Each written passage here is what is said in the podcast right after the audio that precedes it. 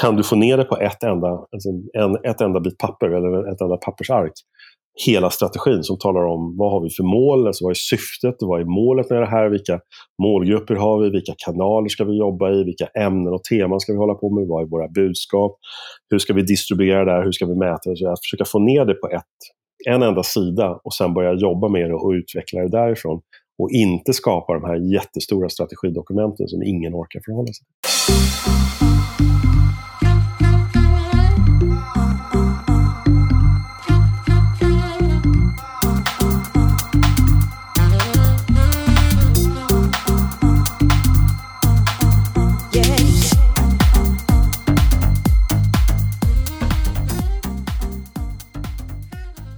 Välkommen till ett nytt avsnitt av Digital marknadsföring med Tony Hammarlund. Podden där jag intervjuar branschexperter och ledare. Jag gör det för att lära mig nya ämnen och ta reda på vad som krävs för att bli en digital marknadsförare i världsklass. I det här avsnittet har vi med en välkänd digital strateg. Pontus Strandstrup har nästan 30 års erfarenhet inom marknadsföring från företag och byråer. Han är även en av Sveriges främsta experter på content marketing och en flitigt anlitad föreläsare och konsult inom digital strategi. Pontus driver dessutom den egna bloggen stanstrup.se där han varje vecka delar med sig av mängder med bra innehåll om content marketing, sociala medier och digital marknadsföring. Han är även sedan en tid tillbaka Head of Content Marketing på energiåtervinningsföretaget Climon. I avsnittet pratar vi om hur marknadsförare bör arbeta med content marketing under 2018 och framåt för att nå bättre resultat. Du får bland annat höra hur content marketing har utvecklats, exempel på företag som arbetar bra med content marketing, hur lång en content marketing-strategi bör vara, vad som bör finnas med i den, samt varför han anser att distribution är minst lika viktig som produktion idag. Nu startar vi intervjun. Hej Pontus, välkommen till podden. Tackar, tackar Tony. Kul att vara här. Eh, även om jag professionellt i första hand arbetar med native advertising så är content marketing något som jag är väldigt intresserad av. Men vad innebär content marketing för dig egentligen? Först om jag får säga, det, det är intressant att du säger att du jobbar mest med native advertising för att jag känner att de är, det är väldigt, två väldigt besläktade områden. Det, det, content marketing som jag ser det är någonting som man framförallt gör i sina egna kanaler. Och sen så jobbar man med förstärkning i köpt media och där blir ju native ett väldigt starkt, kanske det enskilt starkaste sättet som man kan eh, skapa intresse med innehåll på en, på en plattform där det finns en stor publik. Och sen så kanske man kan få med sig en del av den publiken över till sina egna, eh, till sina egna plattformar. Så just native är ju en väldigt stark del utav, utav um, alltså det, det, det, det ligger väldigt mycket hand i handske med, med, med content marketing. Absolut. Men som jag ser content, det, det, är ju, det, det, det är ett sätt att jobba värdeskapande med innehåll för en, för, med en tydlig marknadsprocess. Alltså det, är inte, det är inte en kampanj eller sånt, utan det är en metodik för att ta fram innehåll som är, som är väsentligt för målgruppen och på det sättet styra dem mot ett köp eller mot en informationsprocess eller någonting annat. Hur kommer det sig att du började arbeta med detta från första början? Ja, när, man, när man tittar i backspegeln så kan man ju tänka att man har hållit på med det här egentligen ganska, ganska länge. Så att, att jag har jobbat dels inom byråvärlden och dels eh, på företag med, med eh, marknadsföring och kommunikation i nästan 30 år totalt. Och jag vill säga att jag har hållit på, ju mer digital jag har blivit på 2000-talet desto mer har också innehållet hamnat i centrum. Men någonstans runt 2012-2013 så kom väl den senaste vändan av content marketing till Sverige på allvar och var många byråer och många enskilda personer som började jobba med det. Och det var väl ungefär då som jag började med det också. Jag tänkte idag att vi skulle försöka svara på hur man bör arbeta med content marketing under 2018 och framåt för att nå bättre mm. resultat. Eh, för det är mycket som har förändrats de senaste åren egentligen. Eh, tidigare kändes det som att en företagsblogg var definitionen av att arbeta med content marketing.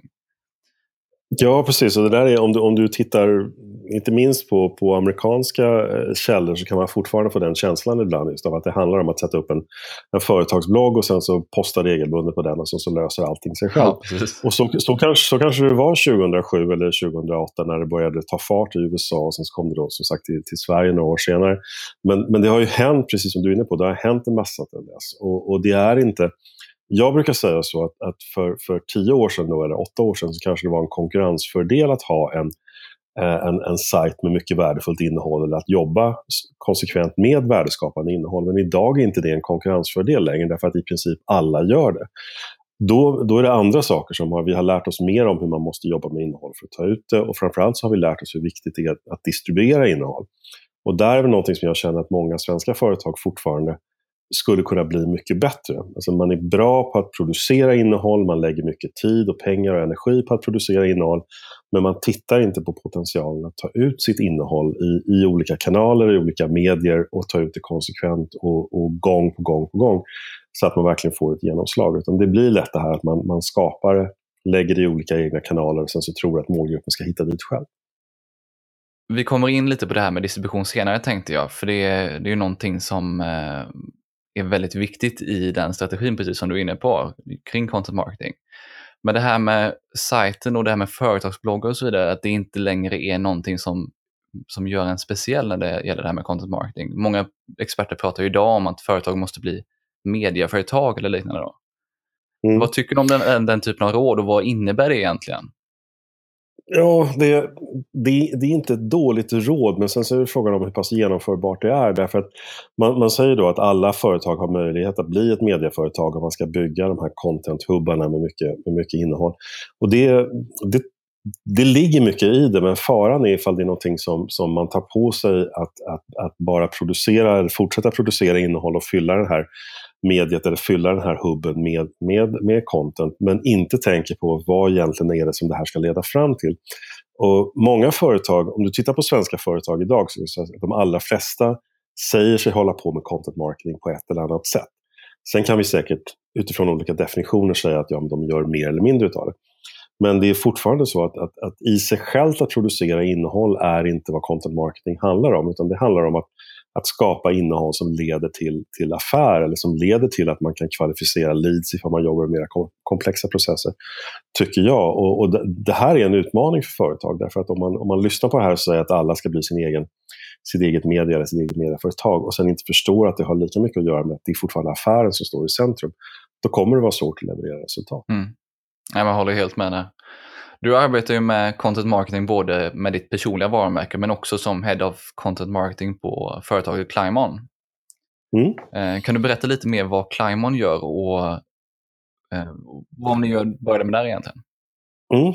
Climon är då ett Ja, Climon är, är då ett, ett, ett business-to-business-företag. Det är, det är ett företag som tillverkar maskiner som tar fram ren energi eller, eller elektricitet ur, ur varmt vatten, vilket är då, eh, miljövänligt och renewable och sustainable och allting som, som, som vi pratar om där. Eh, och Klarman är, det, det, är ju, det är ju en väldigt, väldigt liten målgrupp som man vänder sig till där och vi jobbar mycket med det som kallas för account-based marketing. Alltså där, där, där de företag som vi vill göra affärer med är, de är så pass få och de är så väsentliga så att vi jobbar med företaget blir en marknad. Så att istället för att, för att jobba med, med eh, eh mer traditionell business-to-business marknadsföring, att man jobbar med, gentemot många och kvalificerar leads och så systematiskt tar dem fram och så vet vi redan från början vilka vi vill jobba med och så jobbar vi väldigt, väldigt nischat mot dem. Men det intressanta, det som, som jag kan lära mig då utav, utav mitt content marketing-erfarenhet, det är ju det här att det handlar fortfarande om att producera bra innehåll som guidar en potentiell köpare framåt. Och att göra mycket med lite. Och, och väldigt många företag befinner sig i det här att man har en begränsad budget och man har en begränsad mängd energi som man kan göra. Och då är det ännu viktigare att man inte går in i det här att producera innehåll för innehållets skull, utan man verkligen tittar på vad är det för innehåll vi måste ta fram? Och hur kan vi ta fram innehåll i olika format, i olika grader av komplexitet som guidar en köpare fram genom en en, en säljtratt eller en köpresa eller hur man nu vill se det. Och, och, det är någonting som jag kan tillföra Climon och som, som många andra inom marknadsföring just kan tillföra företag. Att man faktiskt är bra på att systematiskt arbeta med att ta fram innehåll som är värdeskapande. Så man förstår målgruppen, men man förstår också att det, är, det handlar om att vara så effektiv som möjligt i sin, i sin, i sin content marketing och inte bara ägna sig åt att producera innehåll. Men hur arbetar ni? Kan du beskriva lite mer hur ni arbetar med content? Och I detta fallet är det ju som sagt lite mer nischat då när det är account-based mm. marketing i detta fallet. Som är, det känns som det är någonstans en utveckling. så. Men... Ja, eller det är, en, det, är en annan, det är en annan, egentligen en annan metodik. Jag tycker det, det är, mycket av det som vi gör sen kommer ju så småningom eller kommer också leda till en mera, mera eh, traditionell content marketing-insats. Men, men, det, men det som jag tycker är, är, är, viktigt i det här är att vi, vi har, nu är det här business to business, så att, att det, det, det särskiljer sig lite, men vi har till exempel en, en, en sammanhängande, en sammanslagen avdelning av både säljare och marknadsförare. Vilket betyder att säljarna ofta är de som har bäst koll på, på företagen som de, som de arbetar gentemot eller arbetar med. Och att det blir ett väldigt nära arbete mellan mig som då är ansvarig för innehållsbiten, för marknadsföringsbiten och de som är säljare gentemot olika segment och olika företag. Och det här är någonting som jag skulle önska att fler företag att man skulle arbeta på det sättet, att man skulle riva barriärerna mellan säljare och marknad. Därför det betyder att mitt arbete blir mycket lättare av att jag kan föra ett samtal med en säljare som är oerhört fokuserad på en eller ett par företag eller ett segment och ta reda på vad är det verkligen som behövs. Jag behöver inte sitta och gissa eller höfta mig fram till innehåll, utan vi kan ha en väldigt nära dialog om vad är, det som, vad är det för frågor som måste besvaras, var befinner sig en kund i en, i en informationsprocess, vad är det för frågor som dyker upp då och på det sättet jobba med innehåll som är väldigt, både väldigt nischat men faktiskt också svarar på de frågor som, som kunden eller den potentiella kunden har. Och Det är också en viktig del i content marketing, att faktiskt svara på de frågor som, som kunden eller prospektet har. Inte vad man tycker att de borde vara intresserade av, vilket är ett inifrån och ut-sätt att, att skapa marknadskommunikation. Det är att man, att man skapar innehåll som man tycker att målgruppen borde ha behov av. Tack vare att vi jobbar så här tajt eh, tillsammans, sälj och marknad, så kan vi undvika mycket av det som, åtminstone i traditionella business-to-business-företag, så är det oftast eh, nästan lite katt och råtta. Mm. Mellan, mellan marknadsavdelningen och säljavdelningen. För man har väldigt olika sätt att värdera, eh, mäta och, och bedöma framgång. Vad är det då för typ av innehåll som ni producerar på Climon? Ja, det kan ju vara allting från, från, från white papers och mera djupgående eh, filmat material kring, kring produkter och kring lösningar anpassade för olika segment. Men någonting som vi har börjat jobba med mer och mer på senare tid eh, det är ju att, att, att, att, jobba ut innehåll ur det här. Alltså om man får en komplex materia som till exempel ett white paper som är då ofta en ganska stor bit innehåll och den, den, den kräver sin, sin, sin person för att vilja ta till sig det här att ur det kunna, kunna plocka ut eh, mindre bitar innehåll som till exempel en kortare, mera övergripande artikel som vi kan publicera eller att vi jobbar med en video där, där eh, en expert eller en säljare talar om det som finns i white paper. På det sättet så får vi innehåll som vi kan ta ut tidigt i en köpresa eller tidigt i en, en informationsprocess, till exempel i sociala medier. Och fördelarna där är ju att flera sociala mediekanaler nu, eller nästan alla har ju man premierar native video formatet. Så att ifall jag kan, i mitt fall, då, eller i Slimans fall, så är ju LinkedIn en viktig kanal eftersom det är mer ett, ett, ett, yrkes, ett yrkesnätverk. Att vi kan ladda upp video direkt som en native del i, i, uh, på företagssidan och sen så använda oss av utav, uh, säljare och medarbetare och nätverk för att sprida det här så mycket som möjligt gentemot våra kunder. Det är ju en enorm fördel ifall vi bara är hänvisade till att ha ett white paper som vi lägger på webbplatsen och sen ska vi försöka leda trafik dit. Mm. Så där har du ett annat exempel på lite hur, hur content marketing tycker jag har utvecklats under de senaste 6-7 åren. Det är inte längre det här att till varje pris leda trafik till den egna sajten där de ska ladda ner någonting och så ska de ge upp e-postadressen och sen ska vi börja bombardera dem med nyhetsbrev. Eller, eller olika typer av eh, lead-magneter. Utan det handlar väldigt mycket om att ge målgruppen eller den potentiella målgruppen eh, innehåll, kvalitativt innehåll där de redan är, vilket i ökande grad är sociala medier eller andra plattformar. Ja, och om inte minst utnyttja liksom de olika plattformarnas möjlighet att berätta den storyn som man vill få ut. Ex, exakt, och det där är jätteviktigt, att inte se plattformar eller olika kanaler som, som ett till ett till ett, utan de, är, de har sina styrkor och de har sina nackdelar och att man spelar med dem snarare än att försöka då få... Det finns ju inget intresse från ett sociala medienätverk som, som Facebook att släppa in en, en YouTube-video eller att, att hjälpa mig att styra trafik över till min egen webbplats. Utan där får jag jobba mer om att försöka få en förflyttningsserie. Mm. Vad ser ni för resultat från det här arbetet med, med innehållet i de här olika plattformarna som jobbar med?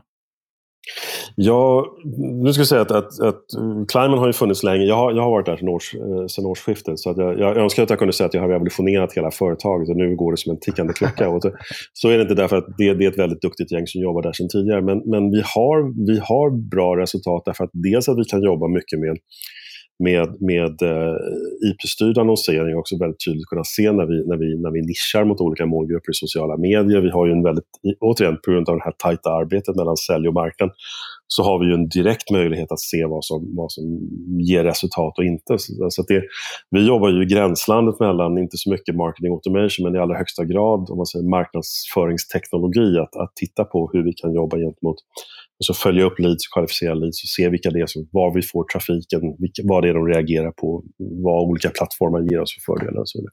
Så att, eh, utan, att, utan att gå in på, på, på, på siffror kan jag säga att vi, vi är nöjda med det genomslaget vi får. Sen kan man alltid bli mycket bättre. Mm. Uh, det finns alltid möjlighet att ta det där många, många steg till. Och det, det, det är det som är kul med marknadsföring. Det, det förändras hela tiden. Det finns alla möjligheter i världen att, att utvecklas och förbättras. Mm. Om vi fortsätter på temat med det här med konkreta exempel. Eh, mm. Vad ser du annars för svenska företag som arbetar bra med content marketing?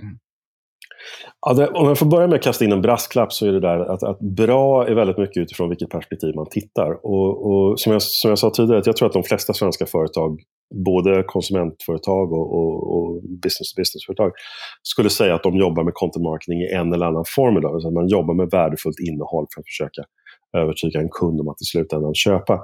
Eh, sen tror jag att man är bättre på olika delar av det. det är ett företag inom, inom konsumentdelen som jag tycker är jätteduktiga på att jobba med innehåll. Det är Kjell Company.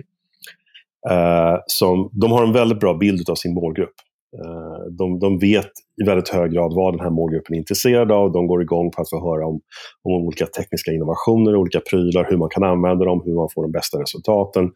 De satsar mycket, eller har gjort tidigare i alla fall, väldigt mycket på att utbilda sina medarbetare i butiken också. Så att det hänger väldigt tydligt ihop, den, det innehåll som de gör digitalt eller till och med i fysiska böcker från början. Hur de jobbar i butikerna, hur de hela tiden tittar på, eh, testar nya grejer och med, är väldigt kommunikativa kring, kring alltså tips och vad man kan lära sig av det. Så Kjell Company är ett jättebra företag just om man vill lära sig hur man kan jobba med innehåll som är verkligen är målgruppsanpassad. Sen har jag ingen aning om ifall de menar att det här ger resultat på, på sista raden, så att säga, ifall de kan mäta och säga att det här ger klirr i kassan. Det skulle förvåna mig ifall det inte gjorde det, men just ur ett innehållsperspektiv så tycker jag att de är väldigt, väldigt duktiga. Mm. Ett annat exempel ur konsumentperspektiv som, som jag tycker är duktiga är eh, Sportamore som är ett, ett, e-handelsföretag som säljer eh, så tränings och sportartiklar, allting från skor till ja, underställ och eh, annat. Och där tycker jag också de har jobbat systematiskt under flera år med bra innehåll kring träning, hur man kan förbättra sig, vad man ska tänka på material, vad man ska tänka på kring träning eller tävling eller andra aspekter av det, både skor, alltså löpning, olika typer av aktiviteter och så. Eh, uh, återigen, men jag har inte insyn i ifall de har lyckats leda det hela vägen till, till, till resultat på sista raden. Men det skulle förvåna mig igen, därför att jag tror att de har, de har jobbat dessutom i en, i en, i en väldigt hårt alltså e-handelsmarginal, eller marknaden, är ju, är ju, de har ju många konkurrenter. Betydligt större konkurrenter. Uh, men jag skulle säga att de har gjort ett bra jobb. Om man tittar på, förlåt, om man tittar på business på business-sidan så har jag två exempel där som jag tycker är duktiga. Det ena är eh, Project Place som är en molnbaserad plattform för projekthantering eller projektledning.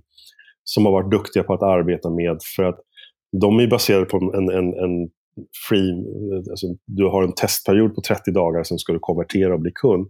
De har varit duktiga, tycker jag, på att ta fram innehåll, både för att öka konverteringen men även för att få kunden att bli en bättre användare. Därför att ju mindre du använder av den här plattformen, desto lättare är det förstås att byta från en, en sån här plattform till en annan. Ju mer de får ta del av fördelarna och verkligen börja arbeta, desto mer bygger man lojalitet. Och de tycker jag också har varit duktiga på webbinarier, white papers, bloggartiklar och så vidare. Och det sista exemplet som är duktiga när det gäller processen kring content marketing är, är Scania, mm. som ju för flera år sedan slog ihop sin, sin eh, under Staffan Ekengren så slog man ihop PR och internkommunikation och redaktionell kommunikation. Så jag började jobba väldigt sammanhängande över kanalerna. Och det, det, det märks. De är duktiga på det de gör. Mm. Så där hade du fyra exempel. Ja, men jag tycker det är, det är många som efterfrågar just det här, oavsett om det handlar om eh, någon, annan, någon viss kanal eller om det handlar i detta fallet om content marketing. Just att få de här exemplen, att få hitta lite inspiration även om man inte kan applicera det direkt på sin egen verksamhet. Och man kan lära mycket av det. Jag vet att det, det brukar vara ganska storslagna exempel som, som, som dansar runt. Liksom man, ska, man ska titta på Red Bull och, och liksom hur många har råd att skicka ut en kille i rymden. men, men, men det finns en poäng i det här att man kanske... Man kanske jag, ett företag som jag spanar väldigt mycket på, som jag jobbar mest med business to business, det är eh, GE, General Electric. Därför att jag tycker att de har varit väldigt duktiga på att kombinera bra innehåll, värdefullt och relevant och samtidigt nyhetsvärdigt innehåll och också ganska ofta använda sig av humor på olika sätt för att kommunicera ganska komplexa saker. GE säljer ju allting mellan i princip flygplan till finansiella tjänster och mycket inom sjukvård och sådana saker. De är ju enormt, det är ett enormt stort företag, men, men det sättet som de närmar sig content, att ta fram värdeskapande innehåll och guida kunden in i en köpresa oavsett om den börjar på Facebook eller Instagram eller, eller på deras webbplatser. Tycker jag har, där, där, där lär jag mig mycket. Det betyder inte att jag får deras budget, men det betyder att jag kan sno det bästa av vad de gör, att låta mig inspireras. Mm. Om vi går över lite till det här kring att skapa sig en plan och att jobba mer 2018 med content marketing. Mm. Var ska man då börja? Det viktigaste där, och det här det är en gammal sanning men den, den fortsätter att vara sann, att det, det, viktigaste är att lägga en strategi från början. Eh, man brukar säga att det vanligaste orsaken till att content marketing-satsningar misslyckas är just frånvaro av strategi. Alltså man går raka vägen på på produktion och då är det svårt att få en uthållig närvaro. Men med, med detta sagt så är det så att traditionellt i många företag så är strategiprocessen någonting som tar väldigt lång tid. Det, det, det är workshops och det, det ska dras i långbänk och det ska godkännas i olika instanser och till slut så sitter man sex månader senare med ett strategidokument som ingen orkar ta del av och som kanske delvis är föråldrad på grund av utvecklingen. Så att jag tycker att man ska börja med strategi, men, men jag brukar, när jag undervisar eller, eller pratar content marketing, så brukar jag ofta försöka uppmuntra, kan du få ner det på ett enda, alltså en, ett enda bit papper eller ett enda pappersark, hela strategin som talar om vad har vi för mål, alltså vad är syftet, vad är målet med det här, vilka målgrupper har vi, vilka kanaler ska vi jobba i, vilka ämnen och teman ska vi hålla på med, vad är våra budskap, hur ska vi distribuera det här, hur ska vi mäta det, så att försöka få ner det på ett, en enda sida och sen börja jobba med det och utveckla det därifrån och inte skapa de här jättestora strategidokumenten som ingen orkar från. Mm. Ja, för det var precis min fråga, nästa fråga. Det var just hur ska det dokumenteras och hur gör man den enkel och konkret? För det är ju det som jag själv har sett. Det, det man gör, det som, som, som jag rekommenderar väldigt varmt, det är det här att att man faktiskt plockar bort allting från själva strategin som inte har där att göra. Och det, det, kan ju låta som en självklarhet men, men jag har sett ganska många strategier vid det här laget och de innehåller ofta en hel massa saker som faktiskt inte hör hemma där. Som till exempel målgruppsanalyser eller kanalbeskrivningar eller massa information kring, det brukar vara så här SWOT-analyser som folk lägger in eller, eller nulägesbeskrivningar eller vad det än är.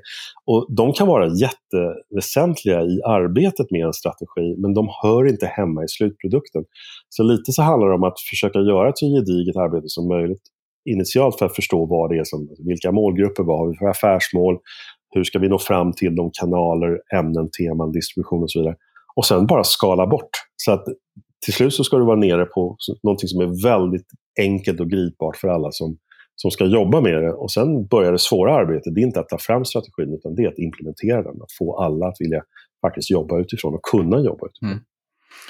Oavsett om man sitter på företaget eller, eller en byrå eller en, en konsult eller en frilansskribent eller något sånt, så måste man jobba utifrån strategin. Då måste man ha, ha kunskap och känna till den och ha tillgång till den. Då känns det som man är mer, nästan inne på en, alltså en konkret plan snarare än en, en, en väldigt djupgående strategi. Ja, du har ju en djupgående strategi, men ofta så har ju företagen den redan i form av att man har sin kommunikationsstrategi eller sin marknadsföringsstrategi eller man har sin affärsstrategi. Och man ska inte börja uppfinna man ska inte göra om det arbetet en gång till, bara citationstecken för att man tar fram en content marketing-strategi. Utan då är det bättre att ha en, en handgriplig plan och sen så säga att ja, för, för målgruppsanalysen den finns redan här, så gå och kolla på den ifall du behöver veta vilka målgrupper vi jobbar mot och vad, vad som utmärker dem. Det här är det som det här ska vi tänka på kring, kring just content. Mm. Så ju kortare, det brukar stå i direkt proportion till varandra. Ju kortare en strategi är, desto större ökar, eller desto mer ökar chansen att den blir läst eller använd. Mm. Om man går över lite det här med att skapa innehållet sen. Tidigare så har mycket mm. Eh, fokuserats kring det här. Det hör väl ihop med det här med att en företagsblogg har varit eh, fokuset någonstans för content marketing tidigare i alla fall. Att det har varit väldigt mycket fokus på det skriftliga med artiklar, guider och white papers och så vidare. Mm, är mm. skriftligt fortfarande det du tycker att man ska fokusera på först eller vilken typ av innehåll anser du att fler marknadsförare borde titta på? Jag tycker man ska jobba utifrån ett väldigt tydligt tema eller ett väldigt tydligt ämne för sin content marketing. För där har du en annan ganska vanlig problematik när du sätter igång den här företagsbloggen. Det är att ena veckan så handlar det om en produkt och nästa vecka handlar det om att säljteamet har varit på kickoff. Och det är väldigt svårt att skapa någon form av systematik i det där. Så jag tycker man ska man ska ha en väldigt tydlig riktlinje eller redaktionell plan för vad är det egentligen vi ska, vilka ämnen ska vi täcka, vem ska producera, vad ska, vad ska de handla om. Och sen utifrån det, när man vet det, då är det också lättare att skapa flera olika format utifrån samma, vid samma tillfälle. Så att till exempel om du och jag hade träffats i verkligheten och, och, jag hade intervjuat dig så hade jag kunnat komma därifrån med en bit film, jag hade kunnat komma därifrån med, med kortare längre texter, jag hade kunnat ta bilder, jag hade kanske kunnat få ner grafik eller något sådant, vi hade kunnat spela in ljud och så vidare. Så att jag kan få med mig fyra, fem olika format från en enda intervju. Och där menar jag att mycket av utvecklingen ligger därför att, att till exempel video är ju det enskilt snabbast växande formatet och att då fortsätta att bara producera text och inte förstå att video är något som är väldigt viktigt. Det, det känns inte som content marketing 2018. Å andra sidan så är det inte, det är väldigt få företag som har råd att köpa video på det sättet som man traditionellt har gjort, vilket var ganska mycket av high-end produktioner där man har tagit in specialister på video som, som, som har kunnat jobba med ganska, ganska okej okay budgetar. Och jag tror att vi måste komma in, videon måste bli mer av ett, vardags, ett vardagsformat som texten. Mm. Hur börjar man då smart att eh, skapa innehåll för det man också planerat för i den här konkreta planen som du pratade om tidigare? Mm, mm. Det, det, viktigaste där tycker jag det är att göra sin målgruppsanalys ordentligt. Därför att om du inte har bra koll på, för det första vilken målgrupp är det egentligen som man riktar sin insats emot. Det finns ju massor med tänkbara målgrupper, man kan inte göra innehåll för alla. Så vilka i slutändan, om det är Alltså, jobbar man på Sportamore, då är, då är det de som, som, som har ett träningsintresse som kanske är lite större än, mist, eller prov tänker jag, som är lite större än, än, än det vanliga, som är intresserade av material, som är intresserade av att lära sig mer av träning och så vidare. Att det är där man lägger krutet på att förstå vad är det för frågor de ställer. Eh, vad vill de lära sig? Och sen är det det man börjar skapa innehåll utifrån. Eh, det finns en, en väldigt duktig content marketing-expert som heter Marcus Sheridan som, som kallar sig för The Sales Lion. Och han har i många år eh, använt mantrat att skapa in, svara på de frågor som dina kunder verkligen har. Och Det är en jättebra utgångspunkt för all form av innehåll. Att svara på de frågor som faktiskt finns hos din målgrupp istället för att ja, kanske föreställa dig att du har svaret så börjar producera innehållet från det istället. Men en väldigt tydlig målgruppsanalys brukar ge ganska mycket insikt. Vad, vad är det för innehåll vi behöver skapa? Vad är det för ämnen och teman och frågeställningar som de har? Hur kopplar vi ihop det med vårt budskap? Alltså det som vi i slutändan vill att kunden ska ta med sig för att få till ett, ett köp. Eh, och det är där som du också hittar det bästa innehållet. Det är ju mötet mellan du talar om någonting som din målgrupp är jätteintresserad av eller behöver för att kunna lösa ett problem. Och du, du talar om det utifrån ett perspektiv som i slutändan leder fram till att din produkt eller lösning är den som, som är den, den givna. Mm. Lättare sagt än gjort. Ja, absolut. Hur bör man då tänka kring kvantitet kontra kvalitet? Ja, det där är en jättebra, det är en jättebra fråga. Och, och det är, jag, jag, jag, jag skulle säga att det, förstås det är viktigt att tänka kvalitet. Men det är också viktigt att man har en regelbunden alltså det, att, att, att ditt innehåll dyker upp regelbundet i dina målgruppers värld. Det här säger inte nödvändigtvis att du måste producera stora mängder nytt innehåll för att, för att få den här regelbundenheten, utan det kan vara så att du har en, en begränsad mängd innehåll som du tar ut gång på gång i olika format med olika vinklingar. Men du måste satsa på kvalitet, men det kan inte vara så att du har en, en post eller en artikel eller en film och så lite infrekvent en stund senare eller flera månader senare så kommer det någonting annat. Utan det är väldigt viktigt att du får den här systematiken i arbetet. För det är först då som du kan börja mäta på vad som ger effekt. Och du behöver flera olika bitar innehåll som, som adresserar en fråga på olika eh, nivåer av komplexitet för att kunna guida eh, den potentiella kunden framåt genom en köpresa.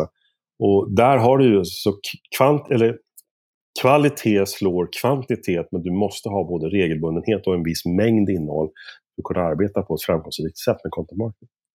Du var inne på det lite tidigare här med att eh, använda samma material flera gånger. Och liksom många mm. experter pratar om det här repurposing eller att återanvända, in, återanvända innehåll. Hur gör man det på ett bra sätt som tillför värde istället för att det bara blir att upprepa sig? Ja, men egentligen så är ju frågan om ifall man upprepar sig. Därför att, att en av de sakerna som, som jag kan se konkreta eh, positiva resultat av, det, det, det, jag har en egen sajt och där producerar jag ganska mycket innehåll och det innehållet tar jag framförallt ut via, via olika sociala medier, eh, även via nyhetsbrev och annat. Och jag kan ju se att många gånger, om jag skulle posta om jag, om jag skriver en artikel eller gör en liten film och sen så postar det vid ett enda tillfälle så utav olika skäl så kanske det inte går särskilt bra. När jag tar ut exakt samma innehåll en andra, eller en tredje eller till och med en fjärde gång inom en, en relativt kort tid, det är då det kan ta fart. När jag sen plockar upp det igen efter ett par månader eller efter ett halvår, då kan det vara ännu mer relevant. Så just det här att jag tror att det finns en övertro på att vi upprepar oss själva, eller rättare sagt att målgruppen ens lägger märke till att vi upp, upp, upprepar oss själva. Jag vet att många kommunikatörer och marknadsförare brukar tala om att de vill inte tjata. Men det, man har en ganska hög tilltro till hur intresserad målgruppen egentligen är av det man säger. Det är ingen som går in och lusläser din Facebook-sida eller, eller din, din, din LinkedIn-sida på företag för att se att aha, nu postar de samma sak som för tre månader sedan. Aj, aj, aj. Utan, utan vi, om vi ser det där och då i flödet så kommer vi att ta det till oss. Men om vi inte gör det så kommer det gå förbi och därför så är det jätteviktigt att man tar upp det här gång på gång på gång. Är du med på vad jag menar? Det, det, det är, det finns, vi, vi har en övertro till att vi upprepar oss själva eller blir tjatiga. Medan om man ser det ur målgruppens perspektiv, de kanske inte ens har lagt märke till vad det är vi gör. Tidigare så har jag haft en känsla av att många marknadsförare arbetar liksom med content marketing väldigt fokuserat på att bara skapa innehållet. Vi var inne på det här med distributionen. Mm. mm. Men att man sen också väldigt, lägger väldigt lite tid på att faktiskt sprida det. Mm. Och Det känns lite som att man, så fort man publicerar en artikel eller video eller annan resurs så skickar man ut i de kanalerna man har och sen går man vidare till nästa punkt i den redaktionella kalendern eller vad man har för nu dokument och jobbar efter. Precis. Och det, det, man, man, kan göra det här på flera olika sätt och det blir lika fel hur man än gör. Därför det kan vara så att man har en redaktionell kalender och gör precis det du säger. Att man, man, man liksom checkar av att ja, nu är den artikeln levererad eller nu är den videon kvar. Eller nu har jag, klar, nu har jag gjort den här infografiken. Nu går jag vidare till nästa grej och sen inte tänker på, man har inte med distributionen som en, som en del i planeringen innan man ens börjar skapa innehåll. Att hur kan vi ta ut det här? Var ska det här gå ut någonstans? Hur kan vi ta ut det så, så mycket som möjligt? I de värsta fallen så sitter man och producerar innehåll i olika silos. Så att, att eh, webbchefen gör en, köper en slags innehåll och i nästa sitter kundtidningsägaren och, och köper in innehåll också. Och då får man en överproduktion där. Men just det här att man inte tänker på hur viktig lite överdrivet skulle jag säga att i, dagen, i, dagsläget så är distribution viktigare än produktion. Mm. Men väldigt få företag satsar lika mycket, ens en, en bråkdel av det man lägger ner i produktionskostnader, på distributionen. Och då distributionen kan vara en mängd olika saker. Det kan vara att man köper utrymme i sociala kanaler, det kan vara att man köper native, det kan vara att man köper display eller att man jobbar med, med, med, med sökmotor, köpt sök och så vidare. Det finns en hel mängd olika saker vi kan. Men att man inte tänker på det här och inte ser det som det, det här kanske, det är det som verkligen, det här har vi en förmåga att, att, att att stå ut och skilja oss från, från, eh, från våra konkurrenter utan man tror att det räcker med att producera innehåll. Så lite hårdraget så förflytta mer än hälften av budgeten från produktion till distribution. Hur ska man tänka annars då? Det här att flytta, att tänka mer budget kring distributionen också. Men hur bör man tänka egentligen kring det här med distribution av det innehåll man skapar?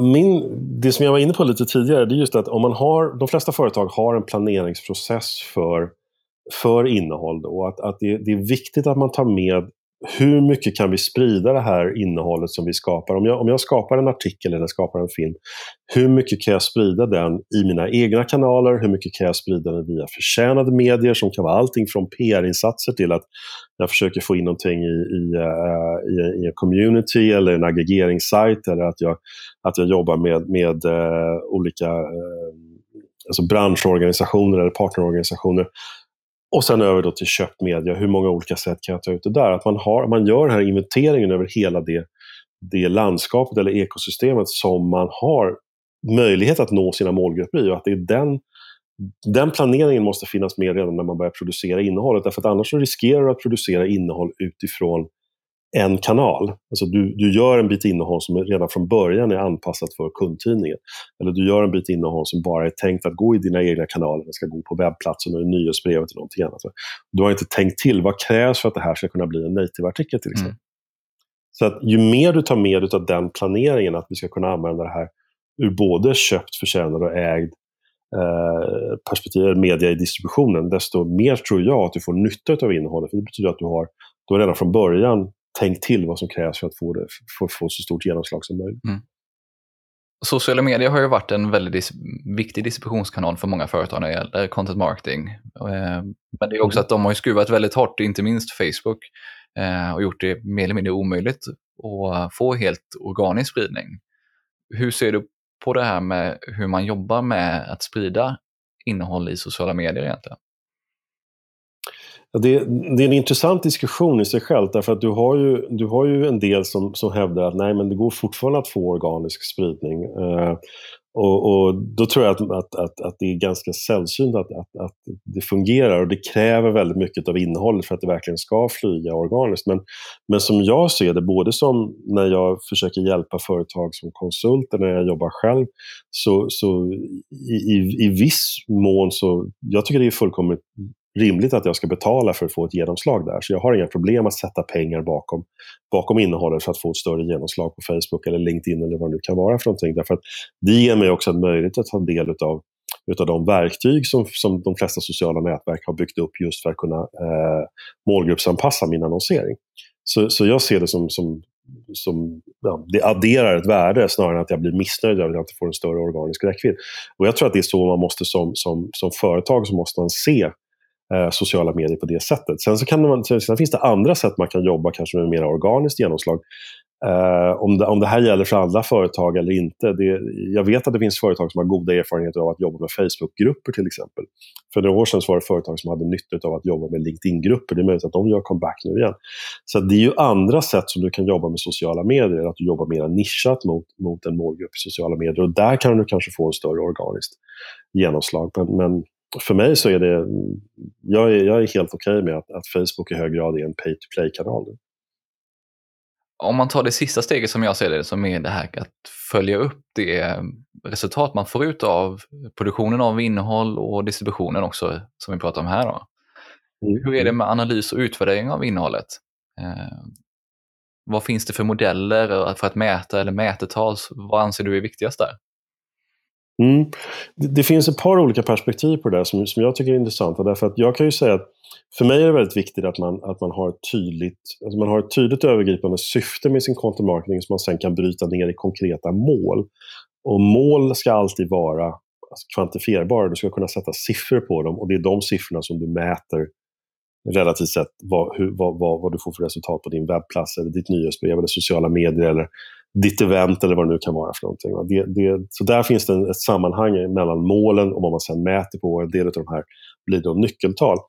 Sen är det ju många som föredrar att mäta kring det här med return on investment. Att ha, ha, får man tillbaka den slanten man har satsat och för helst mycket mer. Och Det är också ett bra sätt att mäta på. Det kräver olika variabler i sig själv. Uh, en tredje sak som jag skulle kanske önska att fler företag, eller som jag tror att fler företag skulle behöva lägga mer tid på, det är också att mäta effektiviteten utav olika format och olika kanaler.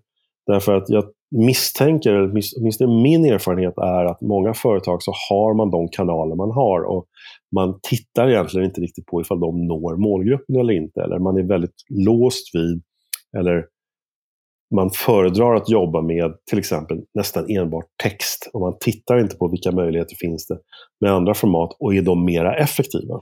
Och det finns idag ingen garanti för att text är det mest effektiva formatet. Och den sortens mätningar är också väldigt intressanta därför att du kan lära dig genom att analysera hur det faktiskt går för ditt innehåll. Så kan du både lära dig vad bör du göra mer av och motsvarande vad bör du göra mindre av istället för att det ofta blir tyckande. Man fortsätter att göra ungefär som man alltid har gjort. Du kan också lära dig då vilka format eller, eller, eller vilka kanaler som ger bäst utdelning relativt en kontaktkostnad eller vad du får för genomslag. Så det finns mycket man kan mäta på. Jag tycker det här, det här är den, den biten nästan som intresserar mig mest. Det är just hur man kan, hur man kan titta på effekt och effektivitet. Alltså både mäta på målen, men också mäta på, gör vi det bästa jobbet vi kan? För då är vi inne på den nästa fråga som jag hade, det är just hur man använder sig av den data man samlar in för att skapa bättre innehåll mm. och få också i, i, nästa steg bättre resultat. Att det någonstans blir en process där man jobbar för att göra bättre och bättre innehåll och jobba bättre och bättre i de olika mm. kanaler man har. Och det här är, för egen del kan jag säga att, att, att, att både, både när, jag, när jag skriver själv på min lilla sajt och när jag jobbar för, åt andra företag och när jag jobbar på Climate så är det ju väldigt mycket det jag tittar på. Alltså, vad ger en effekt i sociala medier? Är det en effekt som är rimlig eh, kontra en investering? Vad ger en effekt på webbplatsen? Vilka teman eller ämnen är det som, som uppenbarligen sätter ett avtryck hos målgruppen eller som ger att, att, att, att vi märker att det är rätt det, det, är rätt personer, eller det är, det, är, det är rätt avsändare, mottagare som kommer in och tittar på det här innehållet. Och sen så gör vi mer av den varan och vi gör mindre av sånt som, som, som inte funkar. Och det här kan vara ganska tufft ibland. Därför att det finns ju, jag har ju till exempel när jag skriver för egen del, det finns vissa ämnen som jag tycker är jätteroliga att skriva om. Jag kan skriva långt och engagerat i dem. Och så kanske jag gör det för i bästa fall ett par hundra läsare. Och så kan jag skriva någonting som, som jag kanske tycker är mera, mera konkret eller inte lika utmanande, lika stimulerande. Så har jag ett par tusen läsare. Och då är det ju viktigt att man faktiskt lär sig av det här. Att man gör, jag ska då göra mer av det som ger mig fler läsare och guida fler framåt i en köpresa där. Än att skriva de här då. Visserligen så är det tillfredsställande men de ger inget avtryck. Och det, det här tror jag de flesta företag skulle kunna lära sig mer av. Att faktiskt titta på vad ger ett resultat och vad är det som vi bara gör därför att vi tycker att det borde vara intressant. Eller vi får höra från en annan avdelning att ni måste skriva mer om det här. Eller produktägaren kommer och säger att vi måste ha mera eh, vi måste ha mera produktinformation. Och man tittar inte på vad datan, alltså vad målgruppen verkligen reagerar på.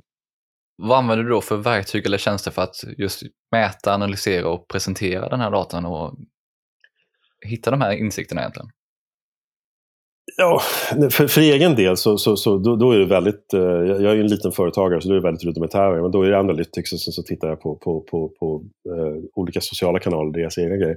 När, när det gäller, när, när jag jobbar på Climon så har jag, vi jobbar mer med campaign marketing, så har vi då andra möjligheter eftersom vi jobbar med med, med både IP-styrning men även så att kunna, helt andra möjligheter att, att kunna följa upp via verktyg. Eh, sen en, en sak, som du märker så dansar jag runt att säga varumärken nu, för det tänker jag inte göra. Men, men en sak som är väldigt intressant om man, om man breddar det här perspektivet, det, det är ju också hur mycket som händer inom marknadsföringsteknologi eller marketing tech hur mycket mer vi faktiskt kan hämta hem av information kring våra målgrupper idag. Alltså vi, kan, vi kan titta på vad de reagerar på, vi kan titta på närmast i realtid hur de agerar relativt olika typer av innehåll. Och Det här är jättespännande och det är något som jag tror kommer, vi kommer att se mycket, mycket mer av framöver. Uh, för det ger oss verkligen en helt annan möjlighet att följa hur målgruppen agerar och mm. interagerar. Mm. Någonting som jag ser som blivit allt mer populärt är ju just att jobba med dashboards i olika former. Uh, inte minst med mm. att mm. Google släpper sin, sin version. Då, då någonstans när man har en gratisversion av någonting så, uh, så blir det ju också att många fler använder. Hur ser du på det här med att använda dashboards i content marketing? Jag tycker det är, väldigt, det, det, är positivt av flera olika skäl. För det första därför att det, kan, det, det är lättare för dig att få en överblick. En, en, annan viktig faktor i det också är att ifall du jobbar i en större organisation där du har, där du har flera olika personer involverade och du kanske dessutom jobbar eh, över avdelningsgränser med content marketing så kan just att du sätter upp dashboards som alla kan komma åt gör att flera får, man får både en, en, större kunskap och tror jag, ett större engagemang och intresse kring just att, att faktiskt titta på de här siffrorna, titta på vad är det som händer med innehållet och vad är det som händer med målgruppen. Lyckas vi få en rörelse framåt? Och min erfarenhet där är just att kan du sätta upp det på ett smidigt sätt så ökar engagemanget och det, det ger resultat i slutändan, att du får ett större engagemang kring, kring att, ta fram, eh, att fortsätta ta fram bra innehåll. Så att det mesta som kan åskådliggöras tror jag är en, en, en enorm fördel. Då blir det inte heller så att li, lite det här som vi var inne på tidigare, att man, att man har en redaktionell plan och sen så checkar man av artikeln eller videon och så går man vidare till nästa. Ibland har, eh, finns det orsaker till varför det kan bli på det sättet, det är att de som skriver eller de som, som Eh, har det övergripande ansvaret, de har inte tillgång till olika analysverktyg. Så de ser inte det, utan det ligger på en enskild analytiker eller på någon annan avdelning. Och då blir det de som istället har tillgång till datan. Och ju mer du kan, du kan öppna upp och göra datan tillgänglig och kanske koppla ihop det med andra typer av informationskanaler också, desto större är chansen att man börjar jobba mer datadrivet i organisationen. Ja, men det, är mycket, det är mycket intressant där. Eh, vad skulle du säga att är de absolut viktigaste sakerna för marknadsförare att ta med sig kring hur man lyckas med content marketing 2018 och framåt egentligen? Jag tror att man, vi har varit inne på flera saker redan. Jag tror att det är viktigt att man har koll på, på, att, man, att man lär sig mera om både teknikens möjligheter och teknikens begränsningar. Därför att det finns förstås en risk att man blir överväldigad av alla verktyg som finns. Och, och, men att man måste förstå att inom business to business så är till exempel marketing automation och att kunna jobba systematiskt med en, en väldigt väsentlig del. Inom sociala medier så är det olika verktyg både för, för att kunna jobba eh, att jobba bättre med, med, med, med spridningen av den och också faktiskt förstå vad som händer och så vidare. Och så vidare. så att teknikkunskaper och teknikintresse tror jag är en viktig del. Och sen så förstå utvecklingen också kring sociala medier. Alltså vad, Varför gör Facebook som de gör? Vad är det som händer med LinkedIn och så vidare? Uh, att titta på samhällsutvecklingen i stort, alltså vad driver teknikutveckling generellt och vad driver den digitala utvecklingen och hur kommer det att påverka alltså beteendet hos våra målgrupper är också väldigt, väldigt centralt. Så en bra marknadsförare är, är, är, nästan alltid nyfiken och det finns, det finns mycket att vara nyfiken på. Vilka trender är det man bör, bör ha koll på egentligen då, tycker du? Det finns ju några som, som jag tror kommer att ha en väldigt stor betydelse på gott och ont framöver. Det är ju utvecklingen med förstärkt verklighet och virtuell verklighet. Därför att det är, om man ska döma av det, till exempel den mängd intresse och pengar som Facebook satsar på, på, på virtual reality nu, så är det de, de ser en väldigt stor potential där. Eh, röstsök och röstinteraktion är också förstås, det finns väldigt stora aktörer, Amazon, Apple, Microsoft, Google förstås, som är inne där och det, det är någonting som det är egentligen om man tittar på, på oss som människor så är det mycket mer naturligt för oss att vilja jobba med våra röster än att jobba med våra fingrar. Så att där, alltså hur, hur, kommer, hur kommer vi att kunna marknadsföra via eh, olika typer av röstfunktionalitet eh, framöver, oavsett om det är konsument eller business to business. Det är en annan viktig del. Eh, ja, det är väl, det var väl de jag kunde komma på sådär på rak arm. Eh, jo, förlåt, en sista sak också som, som jag tycker är intressant. Om man tittar på utvecklingen i sociala medier så, så det jag kan se är att, att, att Facebook och flera andra fortsätter lägga väldigt mycket energi på att flytta över mer och mer av vad som händer i meddelandeappar, alltså Messenger, WhatsApp och så vidare. De verkar fortfarande spana väldigt mycket på WeChat i, i, i Kina där har det här, hela det här ekosystemet av att kunna göra nästan allting via din meddelandefunktion. Och där är också en intressant utmaning i content marketing. Det är ju till exempel, åtminstone i business to business, men även i viss konsument, så är ju kundklubbar och utskick och, och e-postmarknadsföring och så vidare fortfarande väldigt viktiga delar av det. Vad händer när den kanske flyttar in på Messenger framöver? Eller motsvarande. Så det finns jättemycket att titta på där också. Om man nu vill lära sig mer och hålla sig uppdaterad inom content marketing, hur gör man det bäst och vilka resurser tycker du att, eh, kan vara bra att kolla in? Jag har ju mina favoriter. Det, det är i form av att jag, jag är till exempel en, en av de få, misstänker jag, fortfarande flitiga användarna av Twitter i Sverige. Uh, för mig så är det ett jättebra sätt att få, att få både inspiration och kunskap från, från, från källor. Det kan vara allting från Marketing Land, eller Verge, eller Recode eller Social Media Today. Det finns hur många olika sajter som helst som levererar bra information kring både content marketing och digital utveckling. Så det finns många duktiga svenska sajter som levererar bra information också. Uh, så det är väl, för mig så är sociala medier också mycket av ett så bevaknings... Det är där jag hämtar min inspiration och min kunskapsutveckling. Och min, mitt tips där är väl just att, att, att hitta en lista, att, att, skapa en lista över. Sen hur man väljer att följa dem, ifall man väljer att följa dem via Twitter eller Facebook eller, eller ett gammalt hederligt RSS-flöde. Det, det, är väldigt olika. Men just att det, vi måste ha de här goda källorna som vi går till. Och, och eh, jag har definitivt hittat mina och det är de som jag är beroende av för att, mm. att äh, lära mig det. Sen tycker jag att alla borde kolla in eh, din webbsida också, också stanstrup.se eh, om man är intresserad av både digital marknadsföring allmänt men också konstmarketing inte minst. Tack så mycket. Ja, det, det, får man mycket gärna göra. Och jag har faktiskt en liten, en liten artikel där om just bra källor. Uh, så så nej men det, det, vi behöver verkligen vi behöver goda, goda tips och goda källor på, på, på, för, att, för att ha, hänga med. Det är ju en fantastisk uh, utveckling som pågår. Den, den pågår på många olika områden i många olika sammanhang nu och det, det är svårt att mm. sitta på all kunskap. Ja, vi kan länka upp det i, um, i poddinlägget här också. Eh, och sen ja, kan jag passa på att avsluta med också att tipsa om, du har ju en bok har du skrivit också, Content Marketing för alla, tillsammans med Joakim Ardhammar, heter din medförfattare där va? Just det, som, som, eh, vi, vi, skrev den för ett par år sedan och den är, ambitionen vi hade det var att den skulle vara väldigt grundläggande, alltså man skulle kunna lära sig eh, content marketing från grunden där. Eh, jag skulle säga att den är fortfarande eh, är aktuell. Sen händer det förstås en massa saker, men det var väldigt roligt att eh, att skriva den. Och den har, den har eh, gett oss mycket, mycket glädje. Eh, innan vi avslutar, var hittar man dig man, och hur följer man dig bäst? Uh, man hittar mig i, de flesta sociala medier, här på att säga. Men jag är väldigt aktiv både på Twitter och på LinkedIn. Uh, framförallt där. Och sen som sagt den här sajten som, som, som du nämnde. Uh, jag finns förstås också på Facebook och Instagram. Men, men jag skulle säga att jag tillbringar mer tid på, på, på LinkedIn och Twitter än någonstans annars. Så att, om man hänger där själv mm. så är man hemskt välkommen att ta kontakt. Tack så hemskt mycket för idag. Pontus delade med sig med mycket bra information där om content marketing och vad vi som marknadsförare behöver tänka på för att lyckas med det framöver. Länkar till Pontus sociala profiler, hans blogg samt andra länkar vi nämnde finns i poddinlägget på tonyhammarlund.io. Där hittar du även länkar till ett par av Pontus blogginlägg som jag rekommenderar att kolla in. Och har du något du skulle vilja veta om content marketing som inte togs upp i intervjun så får du gärna ställa din fråga i kommentarerna på poddinlägget. Där kan du även ladda ner Pontus e-bok om hur du kan minska kostnaderna och öka effektiviteten i din innehållsproduktion. Och kom ihåg att prenumerera i din podcast-app. Tack också till Mikael på Newbreeze Music som klipper podden och står för musiken. Vi hörs snart igen.